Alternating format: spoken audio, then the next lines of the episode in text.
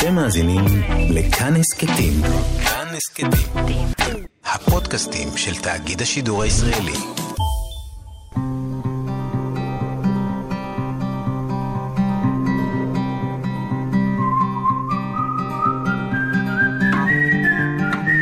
אחת פלוס חמש.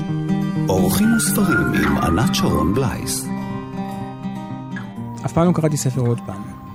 כלומר, תמיד קראתי ספר פעם אחת, לא משנה באיזה גיל, ולא חזרתי אליו.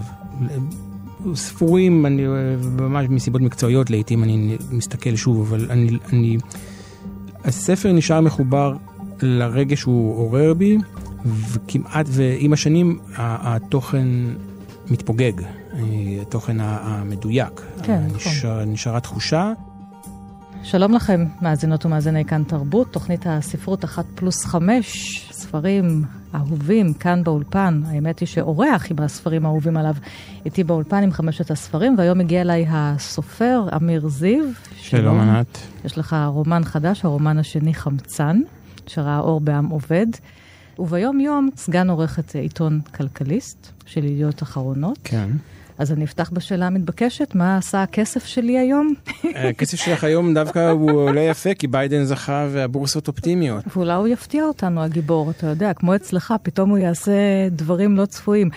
מה, ש... מה שמאוד ריגש אותי ביום הבחירות זה שטראמפ כמובן צייץ את הציוצים הידועים שלו, אבל ביידן צייץ אה, אה, קטע של שיר של אה, כן. שיימוס הני, חתן פרס הנובל האירי המשורר. כן.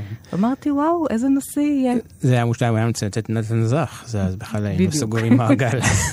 אז אה, אתה אבל חווה כעורך בעיתון, נאמר, את השטח, אתה שומע קולות בחודשים האחרונים, מה מגיע אליך? מה שמגיע אליי בחודשים האחרונים זה מה שמגיע לכולם, אולי מעט יותר בפירוט ובהעמקה, שזה ענייני הקורונה ו- וצרות הקורונה. חלק גדול מאיתנו כבר מרגישים את זה היום, וחלק מבינים שזה הולך לכיוון של קטסטרופה, גם ברמה של הכלכלה הישראלית כולה, ובטח ברמה של אנשים פרטיים והיכולת שלהם לשרוד ב- בעסק הזה. לתקשורת יש כוח לשנות דברים? לתקשורת יש כוח בחלק הכלכלי עוד אפילו יותר, אני חושב, כי הוא עדיין נחשב קצת פחות נגוע פוליטית. כלומר, אה, העיתונות העיתונות הכלכלית? היא, נחשבת יותר מקצועית ופחות נגועה פוליטית, ולכן אה, יש משקל אה, גדול יותר, אני חושב, לאג'נדות שעולות בעיתונות, או למאמרים שאנשים כותבים, או לחשיפות שנחשפות שם, מכיוון שהן לא נתפסות כמוטות נגד או בעד מישהו באופן מיידי, כפי שקורה באזורים הפוליטיים הטהורים, שמיד מסומן כשחור לבן, ליכוד אה, נגד ליכוד, ביבי לא ביבי. אה, בכלכלה יש... מכיוון שהיא עוסקת בסופו של דבר במספרים, והגירעון יש לו מספר, ואתה יודע אותו, ואתה יודע להגיד שזה בעיה, וגם שר האוצר, לא משנה מאיזה מפלגה, יודע להגיד שזה בעיה. ואבטלה יש לה מספרים, ואפשר לומר מכל צדדי הקשת הפוליטית שזו בעיה גדולה. אפשר להמעיט בחשיבותה, או, או טיפה לרכך, אבל uh, יש שם הסכמה על הנתונים. וכשיש הסכמה על הנתונים, יותר קל ל- ל- לדברר אותם, יותר קל להעביר אותם, ויותר קל להשפיע, אני חושב, או לפחות יש עדיין אפשרות להשפיע. אז כן, מהבחינה הזאת זה, זה, זה נמצא בעבודה שלנו. טוב, אנחנו לא ניכנס לעומק הדברים, כי גם פה יכולים להגיד לך, אתה שייך לידיעות אחרונות, אז כן. גם פה יש אג'נדות, אבל uh, מאחורי המספרים תמיד יש אנשים. בוודאי שמקבלים את המקום בספרות. הספר החדש שלך uh, כתוב בצורה מיוחדת, הוא הולך אחורה מן הסוף להתחלה. כן. למרות שברגע הראשון מי שקרא אותו לא בדיוק מבין את, ה, את הסוף, אז אני לא יודעת אם נעשה או לא נעשה ספוילרים פה, אולי חלקית. לא מבין את הסוף באיזה מובן. שאנחנו נמצאים בסוף בהתחלה? לא, הוא מבין שזה, הוא מבין שהולכים אחורה, אבל כן. הוא לא מבין לגמרי את התמונה, כי היא קצת מהמם. מופשטת. זאת אומרת, אנחנו נמצאים בבית חולים, כן. שבו רופא יוצא החוצה לאישה, ואומר לה, אנחנו נעשה הכל ונטפל בו, ואל תדאגי, נעשה הכל. ועדיין לא ברור מי, מי זה, ה... לטובת מי נעשה הכל. כן. ואז הפרק הבא הוא ממש קצרצר של כמה שורות, מתאר איזה שריפה, איזה להבות שאוחזות בכל. מהמם. ובפרק השלישי בעצם אה, מתחיל אולי הרומן. כן. בתוך אה, אמבולנס, נער ונערה, הנער רן, גיבור הרומן שלך, אה, מתנדב, שני מתנדבים במד"א, הוא מאוהב בטליה. ודואג לשבץ את עצמו למשמרת שלה. למרות שבאותה שעה בדיוק מתקיימת מסיבה מפוארת לסבא שלו, העשיר כקורח, איש ההון שלטון, והוא מחליט uh, מתוך כל מיני משברים משפחתיים שהוא רוצה לתפוס כסף, uh, כסף, הוא רוצה לתפוס מרחק מהכסף אולי, ומעדיף להיות עם, עם אותה בחורה. הם, הם יושבים באוטו, באמבולנס כי לא קראו להם, לא הקפיצו אותם. שומעים מוזיקה, מתגפפים, מנסים לגלות. ויש שם סצנה שכתבת אותה לפני הקורונה, של כן. נשיקה לוהטת בין זוג מתבגרים דרך מסכות, כי הם פשוט שמים את המסכות שם של, ה... של, המ... של, של האמבולנס, כן. היא נמשכת איזה חמישה עמודים, נראה לי סצנת הנשיקה הארוכה ביותר בתולדות הספרות העברית, היא כל כך... כל כך יפה וכל כך חושנית, באמת כל הניסיון, לגלות את הפה וה, והאמיצים דרך המסכה. אולי נתחיל לקרוא ממנה. אני רק מודיעה שוב, זכויות יוצרים לאמיר זיו. זה היה לפני mm-hmm. הקורונה כשהוא כתב את הספר. טליה פקחה סוף סוף את עיניה והסתובבה אליו. פניה היו קרובים כל כך עד שאפיהם כמעט התחככו זה בזה, והוא היה יכול לצלול לתוך ראשוניה, שהתרחבו בגלל החשיכה. לרגע, מחשש שהפריז, החזיר את ידו לצד גופו. הוא ניסה לקרוא את המבט בעיניה, מחפש שם את האיסור המובן מאליו. אבל לפני שהספיק נעצמו שתי עיניה והיא קרבה אליו עוד את פניה, עד ששפתיה נגעו בשלו. נדרשו לו כמה שניות להבין שזאת הנשיקה הראשונה שנשק בחייו, והיא מתרחשת מבעד לשתי שכבות של בד תכלת רפואי גס. זה היה חסר חשיבות. מסכי ההפרדה האלה לא הפריעו לו לחוש כאילו הוא עצמו נשטף החוצה מתוך גופו, שאינו יכול להכיל עוד את כל העונג המחלחל אליו. כאילו כל פנימו מפעפע החוצה דרך הנקבים שבאורו הסומר. וכעת גופו אינו אלא רוח, ענן, בלון מנופח, מעטפת אור כלילה של מה שהיה קודם רן, מעטפת שממשיכה להתמסר אל הנעשה, והולכת וגדלה ותופחת מאושר. צמרמורת ריגוש בעוצמה שמעולם לא העלה על דעתו שתיתכן, אחזה בעורפו וגלשה במורד עמוד השדרה. הוא היה משותק. מהבחינה הזאת חלפה מחשבה בראשו. הוא שוכב על המשטח הנכון. טליה ניתקה את פניה ממנו והתרחקה סנטימטרים אחדים לאחור. עיניה הטובות נפקחו וחייכו אליו מעל המסכה. נשיקה של מד"א, היא שברה את השתיקה, מגדירה במילים מפורשות את מה שהתרחש. שמעתי שבכל נשיקה מעבירים מאחד לשני שמונה מיליון חיידקים. בגלל זה רציתי שיהיה סטרילי. זה היה נעים, ענה, נטול הומור. הוא ייחל שתמשיך. אפשר עוד 80 מיליון? התאמץ להישמע קליל.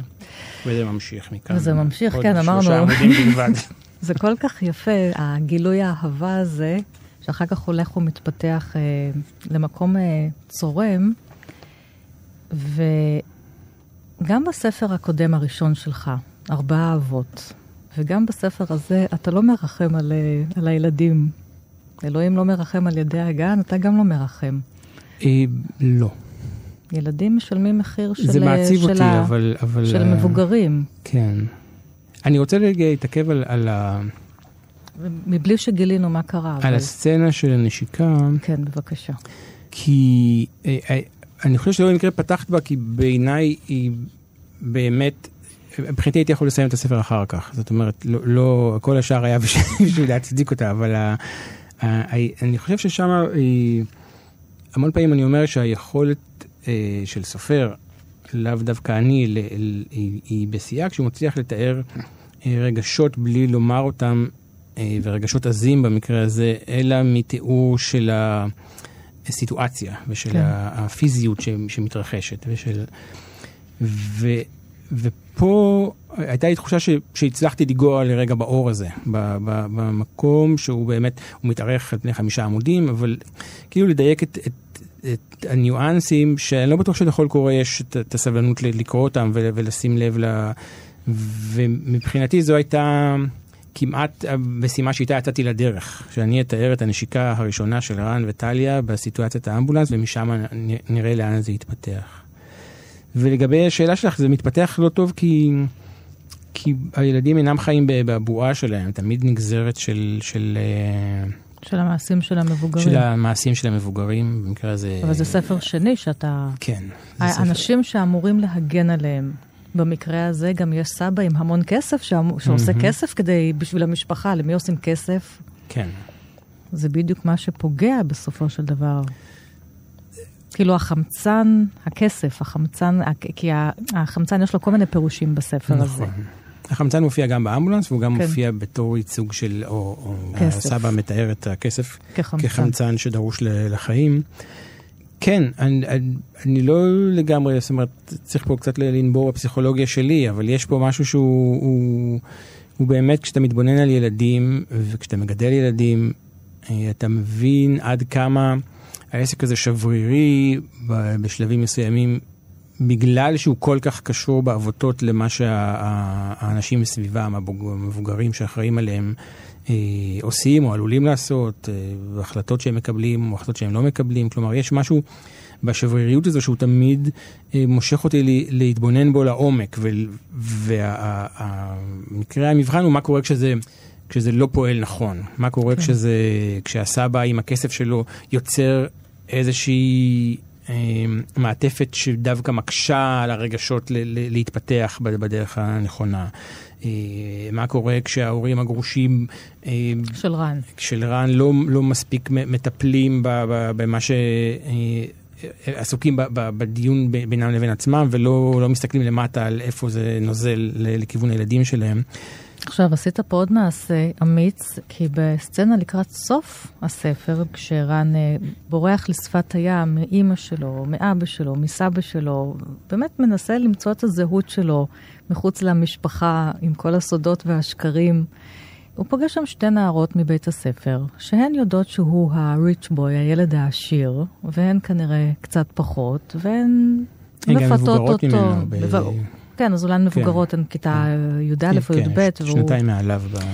ככה מפתות אותו לבוא, יש שם אלכוהול, והוא הוא, הוא מגיע, הן ככה קצת סונטות בו, והוא מנסה להראות שהוא גבר.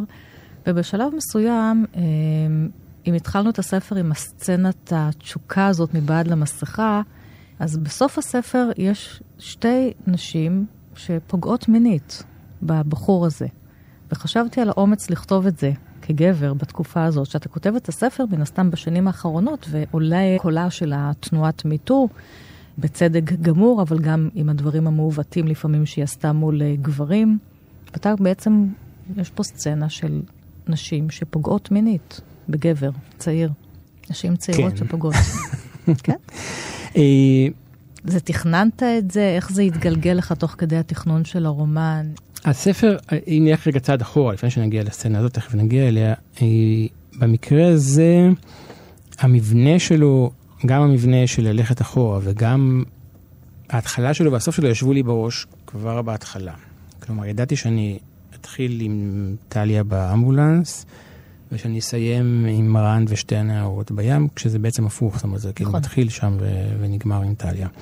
גם שם יש נשיקה, כן. אבל שוב מסוג אחר. מהמם. ואז ידעתי שאני אגיע לשם, וזו איזושהי אה, סיטואציה שישבה לי בראש מזיכרון רחוק מאוד שלי מחופי סיני לפני 30 שנה. אה, לא כזו ולא באלימות הזו, אבל כן בסיטואציה של שתי בחורות בוגרות ו- ו- וגבר צעיר יותר, שהוא לא אני, אבל, אבל שהיה שם. רציתי לחפור בדינמיקה הזו, ורציתי לחפור ביחסי הכוחות, במקרה של רן ושתי הנערות האלו, הוא באמת מאוד מאוד עשיר, זה גם עולה בשיחה שלהם לפני כן, שהוא נוסע לדי-ג'יי בחו"ל, ויש לו מערכת הקלטה בבית, ויש לו נהג פרטי, ויש לו כל, כל. העושר הזה, כן. אה, הוא מאוד...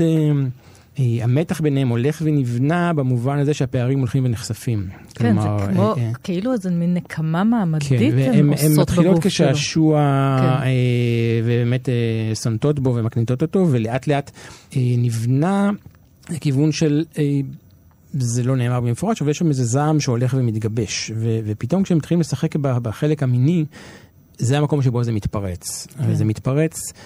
אה, אז זה מרתק, זה- זה, זה- מין זה טיפול של זעם, כן, זה- מסיבות כלכליות, לא, זה ממש מרתק מה שאתה עושה זה פה, מה את כל ה... שניסיתי ל- ל- לבנות, זאת אומרת, זה- זו הייתה התחושה שלי, אה, שהיא שוב אה, איזושהי אה, התכה של רן בעולם ה- ה- שבחוץ. זאת אומרת, כן. מחוץ לבועה שלו, הבועה המרופדת בכסף, שהוא אמנם סולד ממנה, אבל... אבל הוא, הוא בתוכה, כן, הוא הוא, לא בתוכה. יכול, הוא לא יכול אה, להימלט ממנה בשלב הזה, ופתאום עוד פעם זה מתנגש עם, עם משהו מב- מבחוץ, עם משהו מהעולם האמיתי של אה, בנות רגילות, נערות רגילות, ש, שלא מורגלות בכסף, והן בעצם נוקמות בו, בלי שהוא יודע אפילו, בלי שהוא אפילו מבין במפורש היא- שזה ה... והיא אכזרית. כן, היא הייתה הנקמה. יותר אכזרית. פה העורך התערב, כן. וואו, לא, מסיבות אה, ספרות. פרופוזאיות, כן, כן. לא מסיבות של... אלא הוא, הוא, וזה אני דווקא אני שמח שהוא עושה, כי יש בכל מיני סצנות שלפעמים ה, היכולת להתאפק ולעצור רגע לפני שזה הופך להיות בוטה מדי, נותנת להן יותר כוח, ו, וכאן קצת טוב. ריככנו את, ה, את העסק. אתה רוצה אולי עוד איזה משהו קצר לקרוא מהסצנה הזאת? אה, הנה עוד. נשיקה, נסגור עוד את המעגל. נשיקה, אבל שלוקחת אל ה... תראה, הוא לא מנוסה מינית, הוא לא ממש כן. מבין מה הן רוצות ממנו. בשתי הסיטואציות. והוא- כן, והוא גם שיכור בסיטואציה הזאת.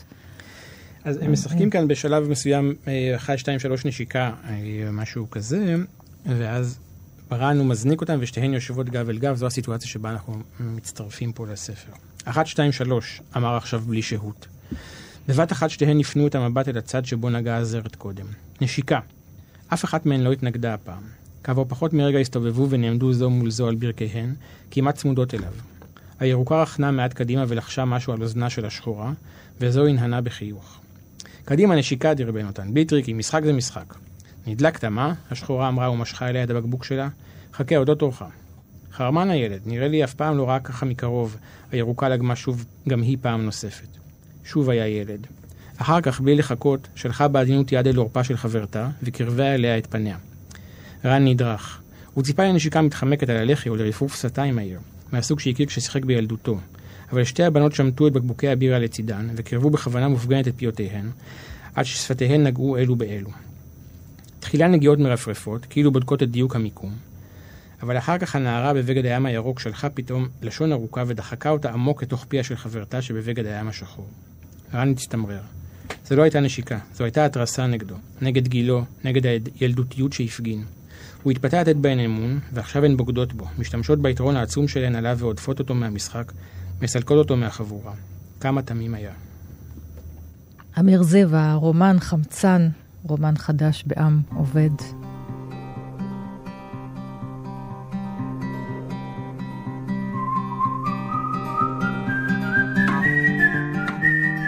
שאלתי אותך קודם, ענית לי בקצרה על uh, ילדים, כי זה מוביל אותי לספרים שבחרת. וגם פה יש לא מעט ילדים שמשלמים מחירים. בוא נתחיל אולי עם הראשון, ספר הדקדוק הפנימי של דוד גרוסמן, אהרון קליינפלד הגיבור, שגם uh, מגשש את בגרותו למרות שגופו עוצר. גופו מפסיק לגדול, נפשו כן. ממש לא. ו- אני, אני אגיד משהו על, על המשימה של לבחור חמישה ספרים שהטלת עליי, אה, שהיא היא, היא מאוד קשה, אה, מכיוון שיש המון המון ספרים שקראתי מן הסתם ושהותירו בי חותם. אז אצל, בספר הדגלוג הפנימי אה, זה יותר מזה, אני קראתי אותו ב, כשהייתי סטודנט, באזור גיל 24-5, משהו כזה, ואני זוכר שקראתי אותו בהתפעמות שלא אה, חוויתי קודם מקריאה של ספר אחר, כי לא האמנתי שאפשר לכתוב ככה בעברית.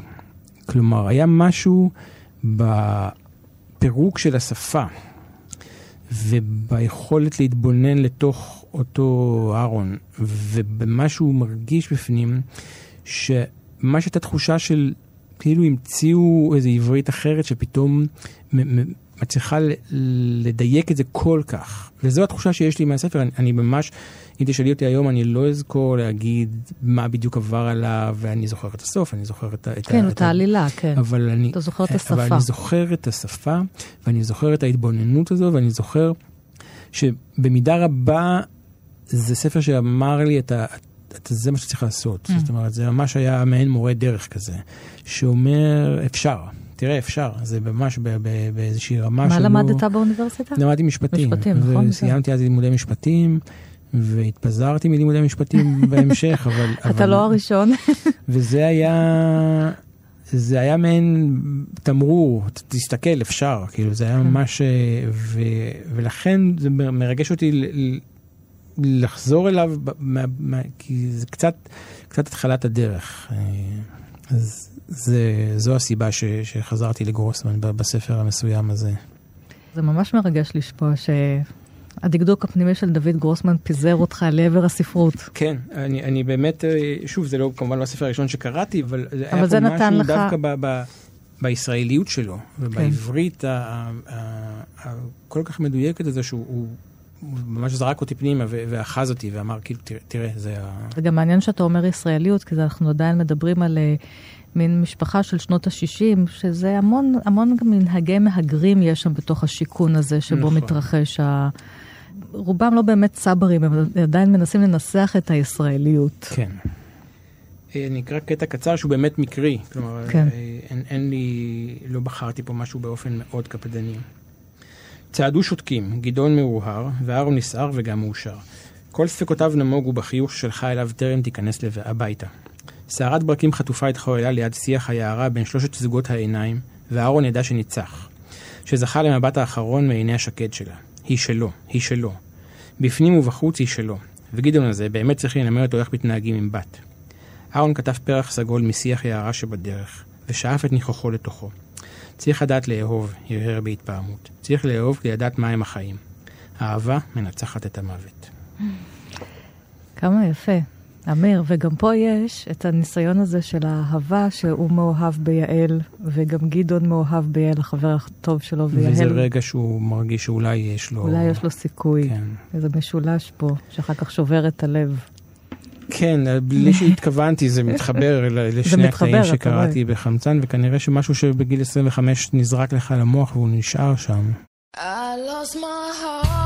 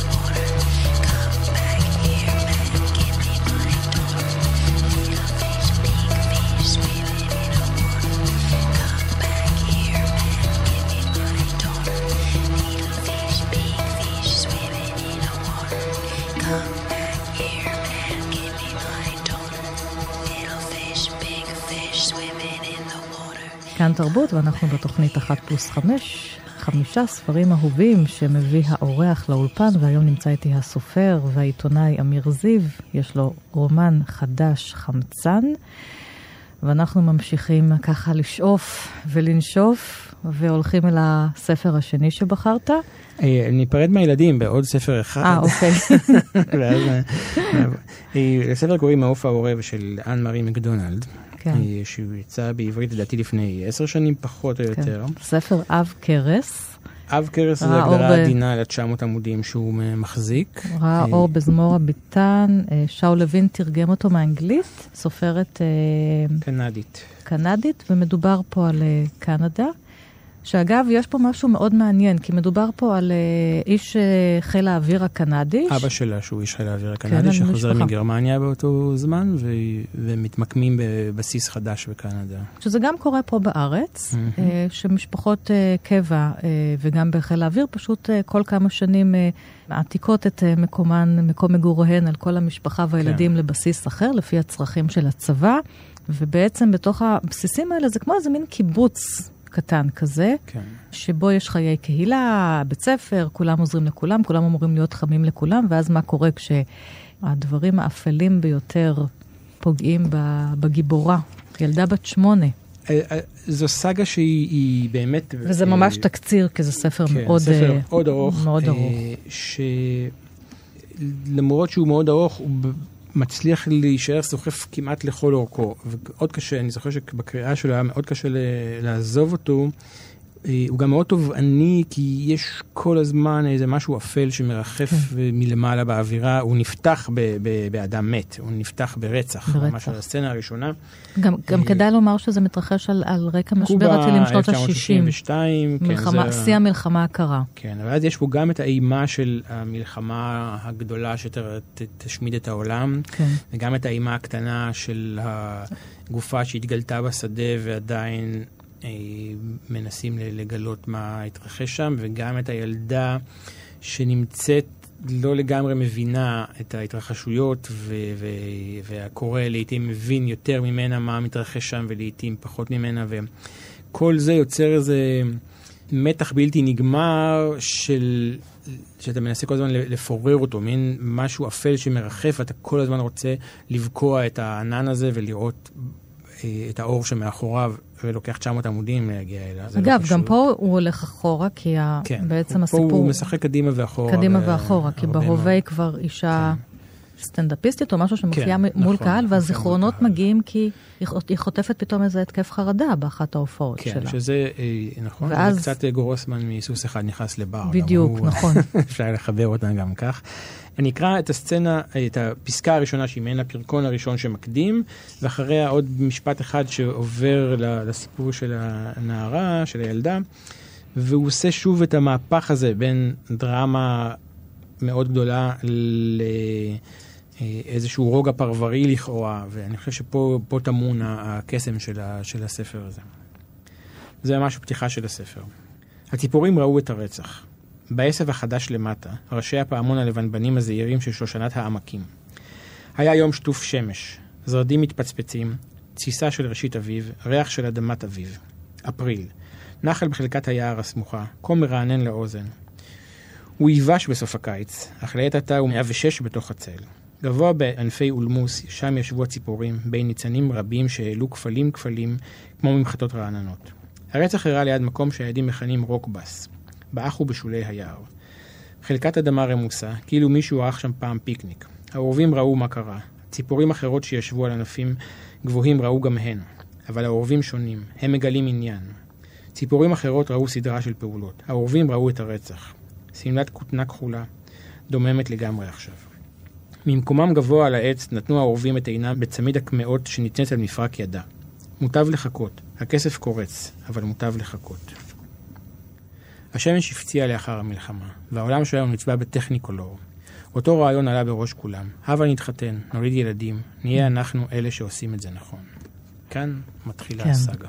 אחרי מלחמת העולם השנייה. כן. גם הנושא הזה של המלחמה הקרה, שגם עשה את מרוץ החימוש, וגם אפשר אולי הרבה פיתוחים טכנולוגיים חשובים, אבל אנחנו צריכים לשמור על הילדים שלנו, כמו ששר אה, סטינג, נכון? כן. I hope the Russian אותה love, love, כן, כן. love the, אוהבים את הילדים שלהם, הוא שר בשיר הזה, ועושים הכל כדי לשמור על הילדים, ובעצם לא רואים מה קורה מתחת לאף, או שרואים ומתעלמים עם הילדים. מהמם. במקרה גם הזה אני חושב. שההתעלמות הייתה ניסיון להגן עליהם, כלומר, יש איזשהו משהו מאוד מאוד גדול שמאיים על העולם, ובואו נשאיר את הילדים ב... אה, מוגנים לכאורה בפרבר כן. השקט והמוריק שם, כשבעצם אי אפשר לעשות את זה. אגב, שאלתך לגבי מה קורה כשההורים לא מבינים איך מפעילים את הילדים שלהם נכון, לנסות לה- להסתיר את זה מהם זה משהו שהוא, זו משימה שהיא מאוד קשה, ופה גם יש באמת רצח בתוך הפלזנטוויל הזה שהם חיים בו, שהוא הוא מחלחל עוד ועוד לתוך ההכרה של הילדים, ועם זה כבר קשה מאוד להתמודד. על עולמם השב- השברירי של הילדים ושלנו המבוגרים, מה אנחנו מורישים להם. אחת פלוס חמש. אורחים וספרים עם ענת שרון בלייס. והספר השלישי, מה אנחנו בוחרים עכשיו מן הערימה שיש פה? אה, נלך עם רביעיית רוזנדורף של נתן שחם. אה, אחד הספרים האהובים עליי. הימים הראשונים של התזמורת כן. הפילהרמונית, 1936. המפלגה הנאצית כבר שלטת בגרמניה, וכל מיני נגנים נפלטים משם לכאן. באים לנסות לראות אם אפשר להתאקלם פה כדי לצאת מגרמניה. זה לא פשוט, בארץ התכלת העזה. ונתן שחם, שבעצמו היה נגן ויולה, כותב באמת את אחד הרומנים היפים, דרך הדמויות של הרביעייה הקאמרית. מספר את הסיפור של התזמורת, של היישוב היהודי פה לפני, לפני כן, שקמה לפני, המדינה. לפני שקמה המדינה. אני נחשפתי לספר הזה באיחור גדול מאוד. קראתי אותו אה, לפני שנתיים-שלוש. ו- אמיר, אני יכולה לומר לך שאתה כנראה קורא ספר, ככה אני מסתכלת על זה, או קורא ספר בזמן ש... שאנחנו צריכים לקרוא אותו. כן, לא אה, לפני ולא אחרי. אז זה- נחשפת בז- בזמן המתאים. נחשפתי בזמן המתאים, והזמן המתאים, זה ש- הוא שבה אותי מכיוון, גם מכיוון שהבן הצעיר שלי אה, מנגן כינור. הוא כמה? בן 14, אבל הוא כבר מנגן עוד מעט שמונה שנים כינור. כבר, אה, בעצם הוא כבר מנגן יחסית לגילו המקצועי. הוא מנגן על כינור של סבא רבא שלו, וואו. אה, בן וואו. 100. שאיך הוא הגיע? שהתגלגל אליו דרך הסבא, לא רבא שלו, דרך הסבא שלו, שהוא באמת אה, נגן חובב, אבל הסבא רבא היה אה, נגן באותה תזמורת של הוברמן, שמוזכרת פה בספר, בראשית בפילהרמונית אז, הוא היה נגן ויולה בעיקר, אבל גם כינור. ואיזשהו כינור שהוא זכה בו בתחרות לפני 100 שנה בפריז, והתגלגל היום לנכד הקטן שלו, בן 14. אז יש איזה משהו שהוא... אה, איזשהו כובד משקל אפילו על הכינור הזה ועל המורשת שהוא אה, נוצר, אבל הוא פשוט אוהב את זה. כלומר, במקרה הזה זה, זה בוודאי לא בא ממני, אני לא גדלתי בבית עם מוזיקה, בטח לא קלאסית, וזה משהו שהוא עושה, ו, ועם השנים, כשאתה מלווה אותו, אז אתה... זה תחום שאתה נפתח ואתה לומד אותו. כלומר, אם נגינת כינור בהתחלה נשמעת צורמת או קשה להאזנה, היום זה כבר כמעט הצליל שאני הכי אוהב. ופתאום כש... כפי שאת אומרת, בזמן הנכון נפתח. בפניי נתן שחם ורביעיית רוזנדורף, אז אה, זה מיד ב- זה- זה ממש אותי. זה, כן. כן. אה, אני חושב שיש פה, הספר מחולק לחמישה פרקים, אבל הם ארבעה פרקים עיקריים, שהם בעצם הכלים של הרביעייה הזו, שזה כן, כל הכינור פרק הראשון. זה דמות אחרת עם הכלי וכל פרק שלו. מסופר מעיניים של דמות אחרת, הכנר הראשון שהוא קורט רוזנדורף שהוא הגיבור, ואחר כך הכנר אה, השני, ונגנית הוויולה, ונגן הצ'לו. וזה גם מאוד מבריק במבנה שלו, כלומר זה גם מחולק לארבעה כלים, וגם כל אחד מהם, כל אחד מהגיבורים מאופיין דרך הכלי שלו, כלומר דרך התכונות שהכלי הזה דורש ממנו כנגן, ואיך זה מתכתב עם האיש הזה כ... באופי שלו ובתכונות האנושיות שלו. וגם הוא מתקדם אה, הוא, לא, הוא לא באותו פרק זמן, כלומר כל אחד גם מתקדם קדימה בשנים ובעלילה, ואתה לומד כך גם בדיעבד מה קרה עם, עם הגיבורים שפגשת קודם. אז יש פה גם מבנה מאוד אה, חכם, וגם התבוננות מאוד יפה באנשים דרך המוזיקה, שהיא היא מקסימה בעיניי. יש פה פסקאות על מוזיקה שהן כל כך יפות כן. שנתן שחם כותב. ו... על מה אה, זאת אני- מוזיקה. ומה ששבה אותי היה דווקא העמודים הראשונים, זה עדיין ב-20 העמודים הראשונים, שבו אנחנו פוגשים את uh, קורט רוזנדורף, שבאמת מהגר מגרמניה, נפרד מאשתו, שהיא זמרת אופרה, ומביתו, שהיא נגנית uh, היא פסנתר מבטיחה. אה, מכיוון שהוא מבין שאין לו עתיד בגרמניה הנאצית, והוא כן. עובר לישראל החמה והפרובינציאלית, ומנסה להבין מי נגד מי, והוא עדיין על האונייה. כן. ובאונייה הוא פוגש את ה...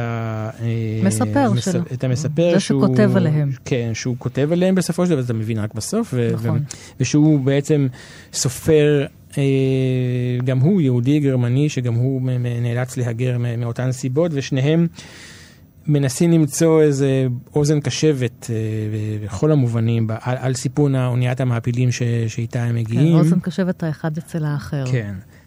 ויש משהו מאוד מדויק ביכולת שלו לנהל שיחה עם אותו אגון לבנטל על, על, ה- על הסיפון של האונייה, שממנה, אגון לבנטל, רק נאמר, זה הסופר. כן, זה הסופר, ורוזנדורף הוא הגיבור של הספר, וממנה אתה מבין את הפחדים שלהם ואת ה- את החשש שלהם לפני שהם דורכים על אדמת ארץ ישראל, וזה מאוד עדין ומאוד יפה בעיניי, משם אני אנסה לבחור קטע. קורט רוזנדורף מתאר את, את אותו סופר, אותו לגנטל שהוא פוגש שם. מבטו שנהיה זעף מרגע לרגע, בלי שירגיזוהו כלל, מפיל אימה על בן שיחו. לעתים הוא נוח לבריות ואינו יודע לשים נקודה בסוף משפט. שיחה עמו היא בדרך כלל מאמץ רוחני קשה. הוא מדבר ברמזים, ואתה חש שהוא מעמיד את פיקחותך למבחן.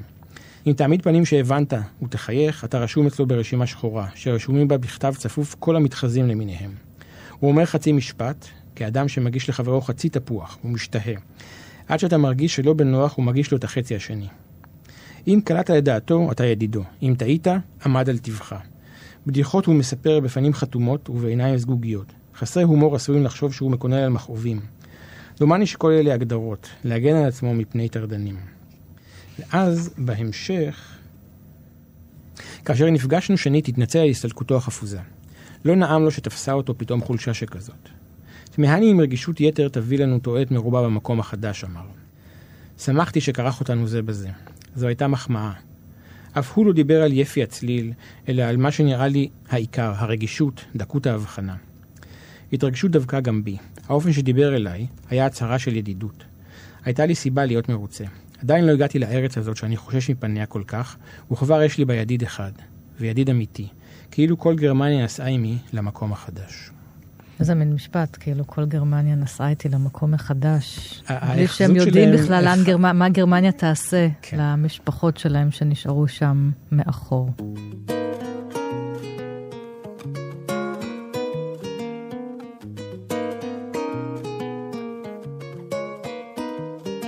Oh, we could be a little something. I'll be everything you wanted. I could bring you real comfort. Give you a break from loving. I'm trying more than just a little. I wanna meet you in the middle. Reading you is like a riddle. I really wanna figure you out. Don't you worry what you're gonna lose in the heat of the moment. We're rushing into something new, but we're keeping it focused. Hmm. Don't call me lover. Stop thinking about it, thinking about it. I'm others. We could keep it simple as la di da di da. We could keep it simple as don't call me lover. Stop thinking about it, thinking about it. We could be a little something. The melody you keep on humming. A feeling so sweet and subtle. The last piece to your puzzle. I know you're gonna feel like running. Wouldn't give my love for nothing. I'll be everything you wanted. Tell you that I won't let you down. Don't you worry what you're gonna lose in the heat of the moment. We're rushing into something new, but we're keeping it focused. Don't call me lover. Stop thinking about it, thinking about it. I'm not the others.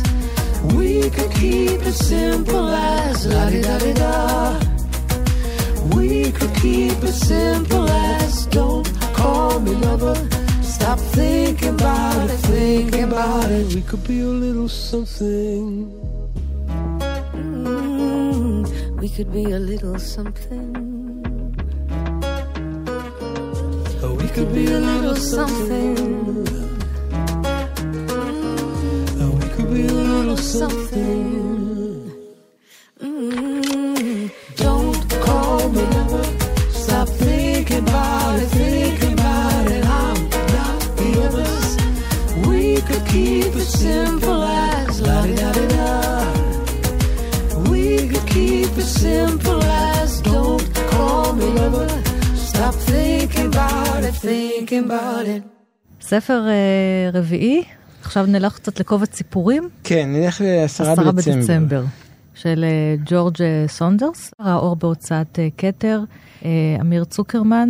כן, תרגם אותו נהדר. מאנגלית? נהדר, באמת. אני במקרה מכיר אותו קצת מעברנו הסטודנטיאלי, אבל הוא באמת עשה פה עבודה משובחת, כי זה ספר מאוד קשה לתרגום באנגלית המאוד חמקמקה שלו. כל סיפור הוא כתוב בשפה אחרת, הוא בסגנון אחר, חלקו הוא על גבול ה science fiction, חלקם על גבול ה science fiction, חלקם מאוד מאוד אמריקאים אה, up to date, כלומר מעודכנים למלחמת אפגניסטן, וחלקם כמעט ד- מדומיינים. זה, יש פה איזה מארג מאוד מאוד אה, אה, עשיר של, אה, של שפה ושל אה, סגנון ושל תוכן, שאתה עובד מסיפור לסיפור ואתה לא יודע מה, לקבל, מה תקבל בסיפור הבא, והם כולם כתובים להפליא. אז- וגם אז פה, זה- אגב, רצית לעזוב את הילדים, אבל גם פה יש ילדים שנחשפים לדברים אלימים וקשים. אה, אני לא חושב שהם ילדים פה, הם צעירים. יש שני סיפורים שאני לא אקריא את שניהם, אבל אה, אולי אני אקריא דווקא מה, מהסיפור השני, שלא תכננתי, אבל אולי יש בו משהו מה... יש כאן אה, חייל שחוזר הביתה מהמלחמה. איך. קוראים לסיפור הזה? לסיפור הזה קוראים בית. חוזר מאפגניסטן. מאפגניסטן, כן. כן. ובעצם מה שעולה ממנו זה, הניק... ה... שוב, האהדה הרשמית שהחיילים החוזרים האלה מקבלים כשהם אה, שבים אה, משדה הקרב, והקהילה שתומכת וגאה בהם וכולי. ומצד שני, אה, בעצם אף אחד לא שם עליהם. זה ברור. המצב. והוא חוזר פה לבית עם- העלוב שהוא גר בו, בעיירה שהוא גר בה. הוא צריך גם להתמודד עם הנפש אחרי כן. שדה הקרב. בדיוק. ואז אני, אני אקריא קטע קצר מזה ואז קטע קצר מהסיפור השני שהוא עולם אחר לחלוטין, גם כדי להמחיש את, ה, את, ה, את השונות וגם כי הם, הם פשוט יפים. זה התחלת הסיפור בית. כמו פעם, יצאתי מהערוץ היבש שמאחורי הבית ונקשתי את הנקישה הקטנה שלי על חלון המטבח. תיכנס פנימה אתה, אמא אמרה. בפנים היו ערימות עיתונים על הקיריים וערימות כתבי עת על המדרגות וצרור גדול של קולבים שהזדקר החוצה מהתנור המקולקל. כל זה היה כרגיל. החדש היה כתם מים בצורת ראש של חתול מעל המקרר, והשטיח הכתום הישן מגולגל למחצה. איפה הבית הזה ואיפה המנקה הבפדיינת, אמא אמרה. הסתכלתי עליה במבט קצת עקום. בפדיינת? אמרתי. לך בפדיין, היא אמרה. מהעבודה מכריחים אותי. ליה באמת היה פה די מלוכלך, והיא עבדה בכנסייה עכשיו, מה שמסביר את הכל. עמדנו שם והסתכלנו זה בזה. וזה המפגש הראשון של אותו חייל שחוזר הביתה לאימא שלו שעובד עכשיו בכנסייה ואסור לה להגיד לך תזדיין, אז היא אומרת לך פיף דיין לאורך כל הספר. וזה, ואחר כך זה, זה, זה פשוט נוגע ללב, דווקא דרך הדמויות הגסות שהוא מתאר כאן. ולעומת זאת, בסיפור השני שאני רוצה להקריא, שקוראים לו בריחה מספיידר-הד, הוא סיפור לגמרי סיינס פיקשני, על מעין מעבדה כזו, שבה אה, יש בחור ובחורה במקרה הזה, שעושים להם ניסיונות בחומרים כימיים. כלומר, יש אולפן, קצת כמו פה שאנחנו נמצאים כן. בו, ובחוץ יש את החוקר, ולהם אה, יש אה, מזרק, מזרק עם מכלים שמחובר להם למותן, והוא פשוט מבקש מהם אישור ומזריק להם חומרים, ורואה את ההשפעה של החומרים עליהם. במקרה הזה הוא מזריק להם פה חומרי אהבה. אה, לא חיסון לקורונה. לא, לא חיסון לקורונה. יפה, אה, אז הנה, אתה רואה, זה גם מתקשר לספר שלך, חומרי אהבה. והוא מתאר כאן ממש את הסיטואציה. לחדר עבודה קטן 2, שלחו את הבחורה הגבוהה והחיוורת ההיא. איך ההרגשה? שאל אבסנטי במערכת הכריזה, אבסנטי הוא אותו אדם שיושב בחוץ ומסתכל עליהם. שלי אמרתי, או שלה? שניכם, אמר אבסנטי. די טוב אמרתי. בסדר, נו, היא אמרה, נורמלי. אבסנטי ביקש מאיתנו לד- לדרג זה את זה באופן שניתן יותר לכימות, על פי יופי, על פי סקסיות. נראה שמצאנו חן זה בעיני זה באופן ממוצע בערך, כלומר לא משיכה עזה ולא דחייה רצינית. אבסנטי אמר, ג'ף, לתת עירוי? מאשר אמרתי. התר לתת עירוי, הוא אמר? מאשרת, אמרה התר. ואז איבדנו זה בזה, וכאילו, מה עכשיו? מה שקרה היה שהתר נראתה בן רגע סופר טוב, וידעתי שהיא חושבת אותו דבר עליי. זה בא כל כך מהר שצחקנו לגמרי. איך לא ראינו את זה? איך לא שמנו לב כמה חמוד השני היה? למזלנו, בחדר העבודה הייתה ספה.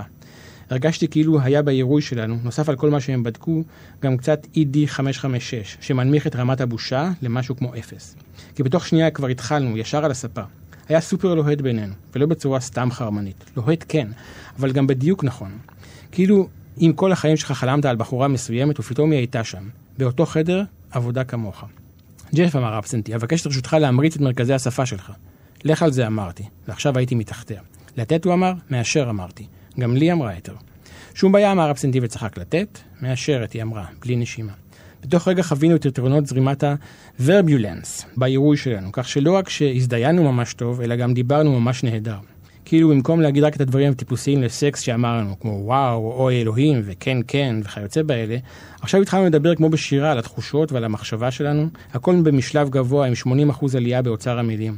ומחשבותינו המנוסחות לעילה הוקלטו לניתוח מאוחר יותר. אה, נהדר. אני גם מוכנה. לקבל עירוי זה- כזה, כן, שיגרום לי לדבר שירה כל הזמן. אה, עוד רגע הוא מפסיק להם את העירוי, ויש שם נפילה כמו מהרואין עמוק לתוך אתה איזה יודע תהום. מה זה הזכיר לי? עולם חדש מופלא של אלדוס הקסלי, שגם שם יש אה, אנשים מסונתזים שמגדלים אותם במעבדה, נכון. וגם שם יש כל מיני כדורים שגורמים לאנשים באמת כל היום להיות אה, באיזה חיי סקס אה, לא נגמרים. זה יותר טוב מאלדוס אקסלי. עד כדי שלי. כך? כן, זה- הספר המופתי הזה אני משנות לא- ה-30. אני פח- פחות נלהב ממנו, אם יורשה לי, ופה יש. משהו מאוד אה, מדויק ואכזרי בנפילה שתכף תבוא, ואחר כך יש כל מיני כימיקלים של כל מיני רגשות אחרות, זה משחק אה, כמעט פילוסופי באיך אנחנו יכולים לסדר את הרגשות שלנו, את המחשבות שלנו, זה נהדר. או הנפילה מגן העדן, שגם מרומזת כן. פה באיזשהו אופן נראה לי. כן. עשרה בדצמבר, קובץ הסיפורים של ג'ורג' סונדרס.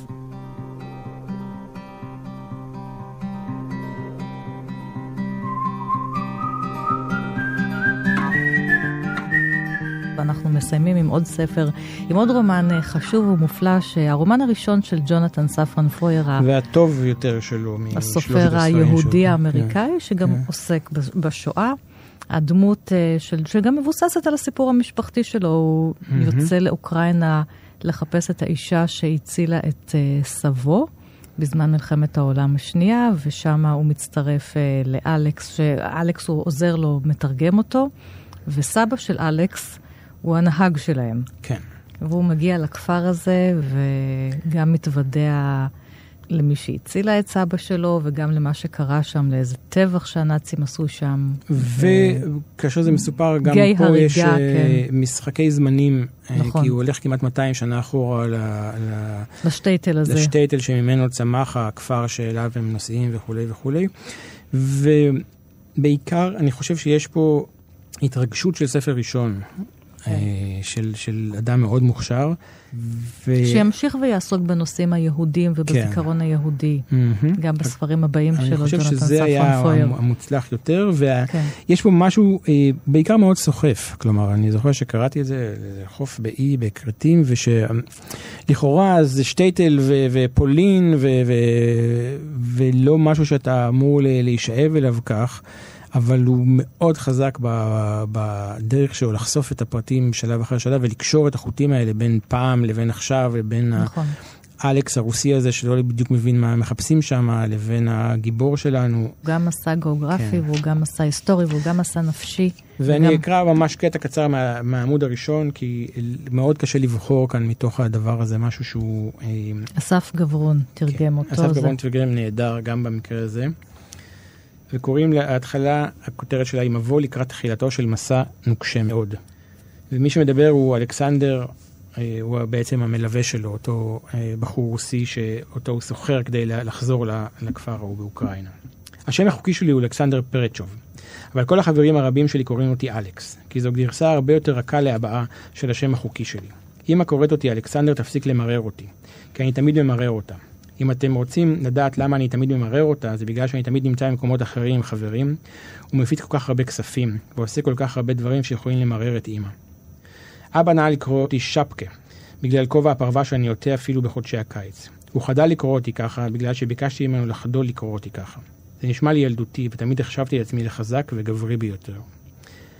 והשפה הזו של אלכס ש- שעוברת פה יפה גם בעברית, היא באמת מעין שילוב של משלב גבוה שלא במקומו, ו- ו- ושימוש במילים אה, גבוהות עם עיוות קל. כן, זה מקסים, שיוצרות דמות- למרר, כדי למרר אותי. וכאילו הוא לא לגמרי מבין לא את האנגלית ולא את הרוסית ואת המעבר ביניהם, וזה זה יוצר דמות ב- משעשעת ועדיין מאוד עמוקה לאורך הספר. כן, יש פה גם אז- הומור בתוך כן, הדברים ויש ה- הרבה צחוק בתוך, ה- בתוך הדברים העסק. הנוראים האלה. ואם לחתום את השיחה שלנו גם עם הספר הזה, שאגב, גם פה בעצם, בסו- בסופו של דבר, יש פה אמנם שני בחורים, אבל הם גם סוג של שני ילדים, גם אלכס וגם כן. אותו ג'ונתן, אה, שעושה את המסע לזיכרונות של סבא שלו. אז אם אני מצטטת ממעוף העורב, יש שם איזושהי פסקה שאומרת אה, שההורים עושים הכל כדי שהעולם יהיה בטוח יותר למענכם הילדים. אז אה, כן. שמנו, סימן, שמנו סימן שאלה על המשפט הזה. אה, גם עם הרומן שלך, הרומן השני חמצן, וגם עם הספרים שהבאת לכאן. הסופר אמיר זיו, תודה רבה לך תודה רבה לך, שחלקת ענת. איתי את אהבת. הספרים שלך. תודה רבה. אני ענת שרון בלייס, כל התוכניות של אחת פלוס חמש תמיד נמצאות בדף ההסכתים של תאגיד השידור, עוד פרטים בדף הפייסבוק שלי, תודה לכם ולהתראות.